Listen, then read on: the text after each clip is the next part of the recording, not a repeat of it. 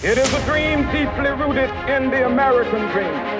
I have a dream that one day Meine Arbeit für richtig hältst. Ob du glaubst, dass ich fleißig gewesen bin, dass ich gearbeitet habe. Dziś rano o godzinie 5 minut 40 oddziały niemieckie przekroczyły granicę polską. Uważam pakt o nieagresji. A więc wojna. Niech wstąpi duch Twój i odnowi oblicze ziemi tej ziemi. Jeśli nam pomożecie, to sądzę, że ten cel uda nam się wspólnie osiągnąć. Jak pomożecie?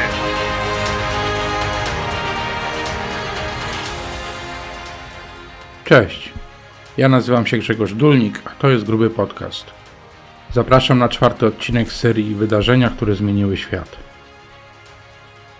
Dziś cofniemy się do dnia 28 stycznia 1986 roku, którym doszło do katastrofy amerykańskiego promu kosmicznego Challenger. Jak przebiegał feralny lot oraz dlaczego w 73 sekundzie po starcie wahadłowiec eksplodował, i czy dało się zapobiec tragedii, w której życie straciła cała siedmioosobowa załoga? Zapraszam. Rok 1986 zapowiadał się dla NASA wyjątkowo. Już 12 stycznia do swojej misji wystartował prom Columbia. Lot zakończył się po 6 dniach lądowaniem w bazie Edwards 18 stycznia. Była to pierwsza z planowanych aż 15 misji promów kosmicznych na ten rok. Miał to być zwiastun nowych czasów dla załogowych misji kosmicznych. Dostęp na orbitę miał być coraz tańszy i powszechniejszy. Już dwa dni później, 20 stycznia, z przylądka Canaveral na Florydzie, 25. misją amerykańskich wahadłowców i jednocześnie w swój dziesiąty start, wyruszyć miał prom Challenger. Z różnych względów jednak lot ten był odwoływany aż przez 7 kolejnych dni. Dopiero prognozowana pogoda na 28 stycznia pozwalała na start wahadłowca. Do tej pory amerykańskie promy kosmiczne miały na swoim koncie stuprocentową niezawodność startu. Sam Challenger w sumie spędził 62 dni w kosmosie, wykonując 995 okrążeń orbity okołoziemskiej, w trakcie których pokonał 41,5 miliona kilometrów. Na swoim pokładzie wyniósł przestrzeń kosmiczną 56 astronautów. To wszystko spowodowało rutynę i trochę spowszedniało Amerykanom, którzy misje kosmiczne zaczęli traktować jak zwykłe loty odrzutowcem. Może trochę większym, ale jednak odrzutowcem. Między innymi dlatego w NASA zdecydowano się urozmaicić program lotów kosmicznych, by przyciągnąć uwagę opinii publicznej, co przełożyć się miało na finansowanie tej agencji kosmicznej. W ramach zainicjowanego przez prezydenta Ronalda Reagana programu wprowadzenia do szkół lekcji na temat kosmosu, zdecydowano się na przeprowadzenie lekcji na orbicie. W tym celu spośród 11 tysięcy ochotników wybrano pierwszego w historii cywila, który znaleźć się miał wśród zawodowych astronautów tworzących załogę Challengera. 38-letnia nauczycielka astronautka Christa McCalliff z Bostonu miała na pokładzie wahadłowca przeprowadzić dwie półgodzinne lekcje transmitowane na żywo do wszystkich szkół na terenie Stanów Zjednoczonych, a także nagrać kolejne sześć lekcji przygotowane dla uczniów na całym świecie. To sprawiło, że start Challengera był niesamowicie medialnym wydarzeniem, którym żyła cała Ameryka. Według sporządzonych badań przed telewizorami zasiadło wówczas 85% mieszkańców USA i miliony widzów na całym świecie. Bezpośrednią transmisję ze startu wahadłowca masowo oglądano także w szkołach. Jak się później okazało, tysiące amerykańskich dzieci zobaczyły na ekranach, jak 73 sekundy po starcie prom znika w pióropuszu ognia i dymu, rozpadając się na niebie w drobne kawałki. Challenger wystartował ze stanowiska LC-39B Centrum Kosmicznego imienia Kennedy'ego na przylądku Canaveral. Misją dowodził 46-letni Francis Scooby, podpułkownik Sił Powietrznych Stanów Zjednoczonych, pilot wojskowy, weteran wojny wietnamskiej. Pozostałymi członkami załogi byli pilot Michael Smith, fizyk Ronald McNair, inżynier i podpułkownik Sił Powietrznych USA Ellison Onizuka, inżynier Gregory Jervis, doktor inżynier Judith Reznik oraz wspomniana już nauczycielka Krista McCalliff. Pogoda była znakomita, bezchmurne niebo i świecące słońce sprzyjało oglądaniu widowiskowego startu wahadłowca, dlatego tysiące widzów zgromadziło się na przylądku Canaveral. Wśród nich były także rodziny astronautów oraz rezerwowa nauczycielka Barbara Morgan. Tego dnia było jednak, jak na Florydę, wyjątkowo zimno. Temperatura spadła do minus 4 stopni Celsjusza, co jak się później okazało odegrało kluczową rolę w rozwoju sytuacji. Promy kosmiczne nigdy wcześniej nie startowały w takich temperaturach. Pierwotnie start zaplanowano na godzinę 9.35, jednak godzinę wcześniej od kierownika lotów nadszedł komunikat przerwać procedurę startu. Potrzebny był dodatkowy czas na usunięcie z Challengera nadmiaru lodu. Ostatecznie wahadłowiec miał wystartować o godzinie 11.38 czasu lokalnego. 6 sekund przed startem odpalono główne silniki.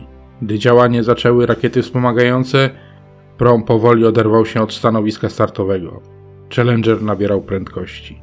8, 7, 6. We have main engine start. 4, 3, 2, 1. And liftoff. Liftoff of the 25th Space Shuttle mission, and it has cleared the tower. Roger, roll, Challenger. Po 20 sekundach lotu wahadłowiec znalazł się w krytycznym momencie startu, gdzie opór atmosferyczny jest na tyle duży, że zbytnia prędkość spowodowałaby rozpadnięcie się promu. Zgodnie więc z programem lotu zdławiono silniki główne do 94% ciągu nominalnego, 16 sekund później do 65% mocy. W 40 sekundzie sterowany przez komputery pokładowe automatyczny system kierowania zareagował na gwałtowny, silny podmuch wiatru. Prawy silnik główny przez 3 sekundy wykonywał ruchy dyszą, aż Challenger wyrównał lot. Po minucie lotu dowódca promu Francis Scooby otrzymuje rozkaz zwiększenia ciągu. Zrozumiałem, daję pełny ciąg. Takie były ostatnie słowa, jakie z pokładu statku kosmicznego dotarły na Ziemię. Engines throttling up, three engines now at 104%. Challenger, go at throttle up. Challenger, go at throttle up. Zaraz potem, w 73 sekundzie po starcie, na wysokości 15 km, w miejscu wahadłowca pojawia się ogromna kula ognia i dymu. Na kilka sekund po katastrofie w pomieszczeniu kontroli misji zapadła cisza. Ekrany pokazywały chmurę dymu w miejscu, gdzie był Challenger i spadające do oceanu odłamki. W 89 sekundzie lotu dyrektor Jay Green zapytał kontrolera dynamiki lotu o informację. Ten odpowiedział, że radar pokazuje wiele źródeł, co było dalszą wskazówką, że Challenger rozpadł się na kawałki. Kontroler łączności zaraportował. Brak łączności, straciliśmy przechodzące połączenie radiowe i telemetryczne z Challengera. Green rozkazał, aby każdy uważnie przyglądał się napływającym danym. Wydaje również polecenie zainicjowania procedur awaryjnych w budynku kontroli misji.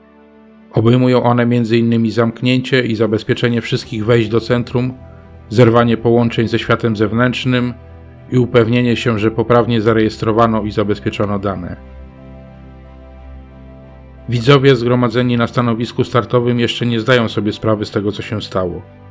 Niektórzy myślą, że ten fajerwerk to zaplanowana część lotu. Nawet komentujący dla publiczności pracownik NASA Steve Nesbitt jeszcze nie wie, co się stało. Podaje spokojnym głosem: 1 minuta i 15 sekund lotu. Prędkość 2900 stóp na sekundę.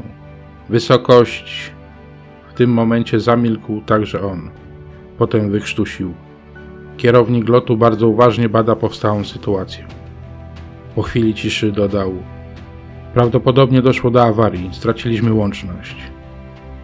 Po dłuższej chwili ciszy otrzymaliśmy informację od głównego specjalisty lotów kosmicznych. Statek eksplodował.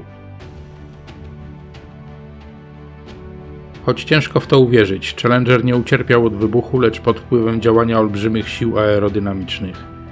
Pozbawiony sztywnego oparcia, jakim był zewnętrzny zbiornik paliwa, wstrząsany siłami oporu powietrza, zaczął się rozpadać. Kabina załogowa odłączyła się i kierowana siłą bezwładności wznosiła się jeszcze przez 25 sekund, osiągając wysokość ponad 19 km.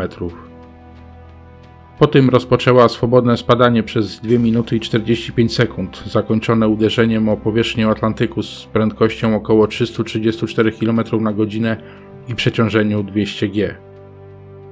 Co najstraszniejsze, wszystko wskazuje na to, że przynajmniej część załogi przeżyła wybuch wahadłowca i mogła być świadoma nadchodzącej śmierci aż do chwili zderzenia z powierzchnią oceanu. Jak wynika z drobiazgowej analizy wydobytych z Atlantyku szczątków kabiny załogowej, co najmniej troje astronautów sięgnęło po aparaty tlenowe przymocowane do siedzisk. Aparaty zostały uruchomione i opróżnione w około 75%, co oznacza normalne oddychanie od chwili wypadku do momentu upadku. Kabina załogowa Challengera nie była wyposażona jednak ani w wyrzucane fotele, ani w żadne inne zabezpieczenia mogące w podobnej sytuacji przynieść załodze ratunek. Do katastrofy doszło tuż przed południem. Prezydent Stanów Zjednoczonych Ronald Reagan miał kilka godzin później wygłosić telewizyjne orędzie do narodu. Planował mówić o ogólnej sytuacji państwa, ale w związku z katastrofą w ciągu kilku godzin pisarka przemówień prezydenta przygotowała tekst wystąpienia poświęconego wyłącznie katastrofie wahadłowca. Natchniona wyjątkowym momentem stworzyła swoje najlepsze dzieło, a charakter i talent aktorski Regana dopełniły całości.